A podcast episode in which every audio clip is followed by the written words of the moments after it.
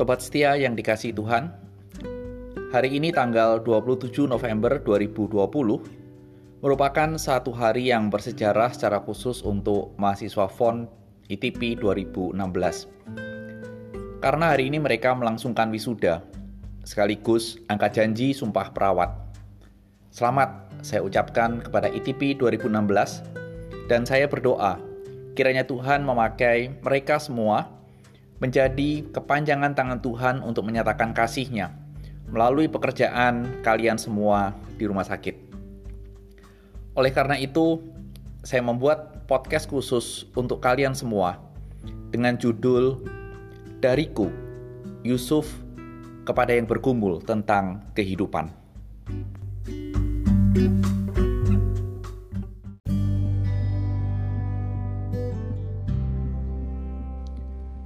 Sobat setia, mari kita berdoa.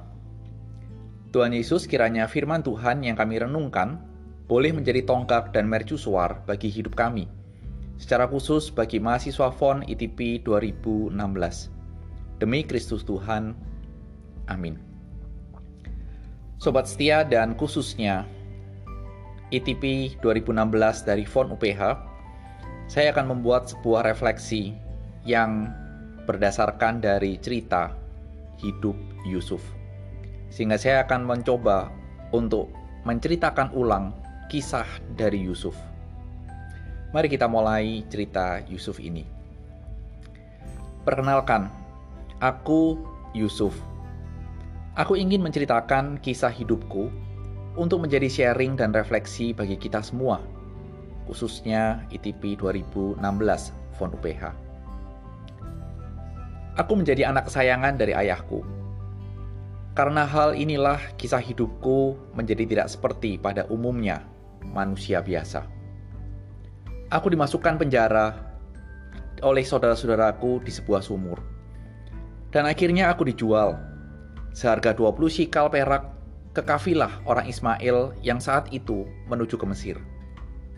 Sampai di Mesir, aku pun dijual kepada Potifar, dia adalah kepala pegawai raja.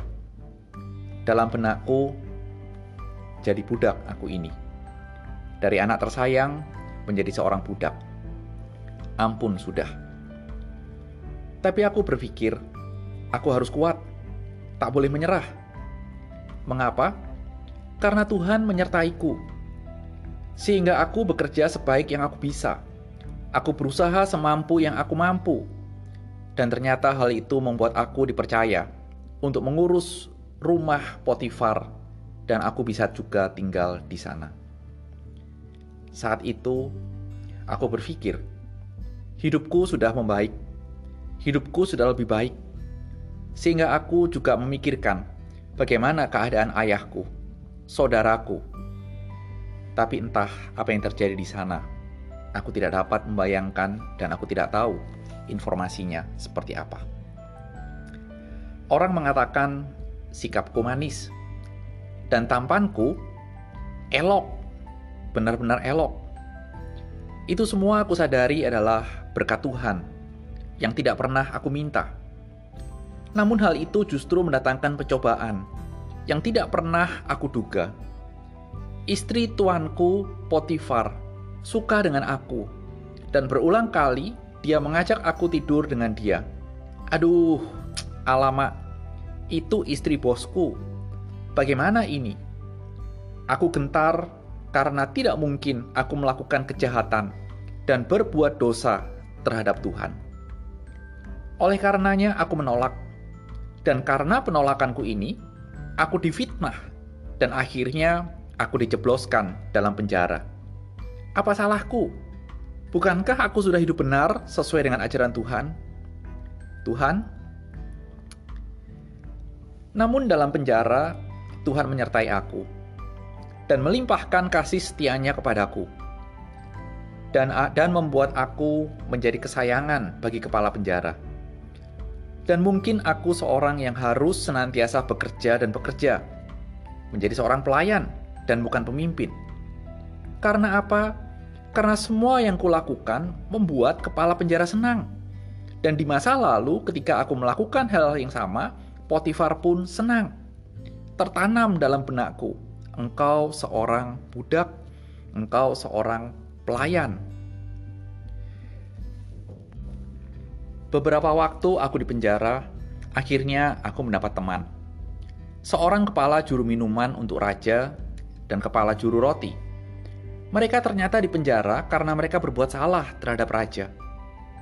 Dan dalam penjara itu, kepala juru makanan dan kepala juru roti suatu saat bermimpi.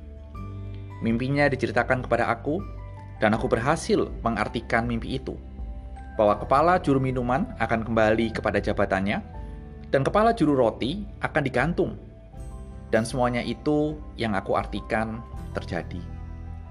Kepala juru minuman keluar dari penjara dan menduduki jabatan awalnya. Demikian juga kepala juru roti keluar dari penjara, dan dihukum. Namun, sekali lagi, aku menjadi teman yang terlupakan. Inilah sebuah realita dunia. Tidak ada itu ringan sama dijinjing, berat sama dipikul. Aku terlupakan. Setahun berlalu, dan tidak ada seorang pun yang mengingat aku. Mungkin ayahku saat itu masih mengharapkan aku untuk kembali hidup. Tapi apa daya? Apa yang terjadi dengan saudara-saudaraku? Aku pun tak tahu. Baikkah mereka? Aku tak tahu. Susahkah mereka?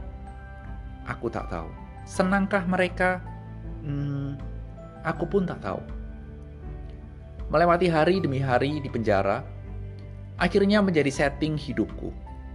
Entah sampai kapan aku akan ada di sini. Mungkin sampai akhir hidupku Meski seperti itu, aku ingat Tuhan menyertai aku hari demi hari. Itulah satu-satunya kekuatanku. Itulah satu-satunya peganganku. 365 hari kedua. Ternyata Firaun bermimpi. Dan mimpi itu membuatnya galau, gelisah. Ditambah tidak ada satu orang pun dari orang pintar itu yang dapat mengartikan mimpinya semakin galaulah Firaun itu. Ternyata salah satu saat itu juru minuman, kepala juru minuman menceritakan tentang diriku kepada Firaun bahwa aku telah berhasil mengartikan mimpinya di masa lalunya. Dan Firaun pun memberikan kesempatan pada aku dan dia memanggil aku untuk mengartikan mimpiku. Dan melalui aku, Allah yang aku sembah memampukan aku mengartikan mimpi Firaun itu. Sehingga aku di usia yang ke-30 tahun dilantik menjadi penguasa Mesir. 13 tahun aku menjalani kehidupan dari penjara sumur sampai kepada penjara di Mesir sebelum aku dilantik oleh Firaun menjadi penguasa di Mesir. Sekarang semua orang menghormati aku dan mengikuti semua komandoku. Aku bertanya-tanya saat itu. Inikah suatu tujuan dari semua proses yang aku jalani sekian belas tahun? Inikah yang Tuhan atur untuk aku? Aku mengelola tujuh tahun kelimpahan di Mesir untuk menghadapi tujuh tahun kelaparan sesuai dengan mimpi itu. Dan karena pimpinan Tuhan, seluruh Mesir tetap ada makanan, ada roti, dan tak berkekurangan. Dan kelaparan itu ternyata terjadi di seluruh dunia. Dan keluarga dari aku, bapakku Yakub, dan saudara-saudaraku ternyata juga mengalami kelaparan itu. Sehingga mereka juga datang ke Mesir untuk membeli gandum. Pertemuan kembali dengan keluargaku membuat aku bahagia. Sekian puluh tahun aku tidak bertemu dengan dia, dan sekarang Tuhan mengizinkan aku bertemu kembali bahagianya aku saat itu. Di momen ini aku bertanya kembali dan merenung. Untuk inikah perjalanan hidupku? Menyelamatkan keluargaku dari kelaparan? Aku merenung dan aku bergumul. Aku menemukan jawaban dari pergumulanku ketika aku melihat bahwa memang saudara-saudaraku merencanakan yang jahat bagi aku, membuang aku, menjauhkan aku dari ayahku.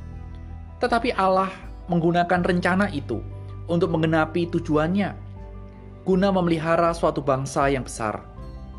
Di situ aku menyadari, Aku menjadi penguasa di Mesir pun bukan supaya aku hidup enak, nyaman, dan terpandang setelah belasan tahun hidup susah, menderita, melewati semuanya. Tetapi ternyata untuk menggenapi rencana Allah bagi bangsa pilihannya.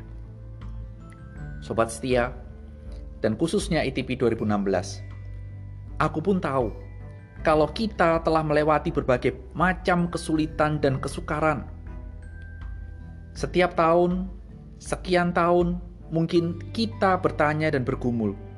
Dan bila saat ini, secara khusus ITP 2016, engkau pun bertanya dan bergumul lagi, kiranya kisah hidupku yang baru aku bagikan boleh menjadi cermin, pegangan bahwa Tuhan menyertaimu dan Tuhan akan memakaimu untuk menggenapi rencananya. Selamat menapaki hari bersama dengan Tuhan dan yakinlah Tuhan menyertaimu. Amin.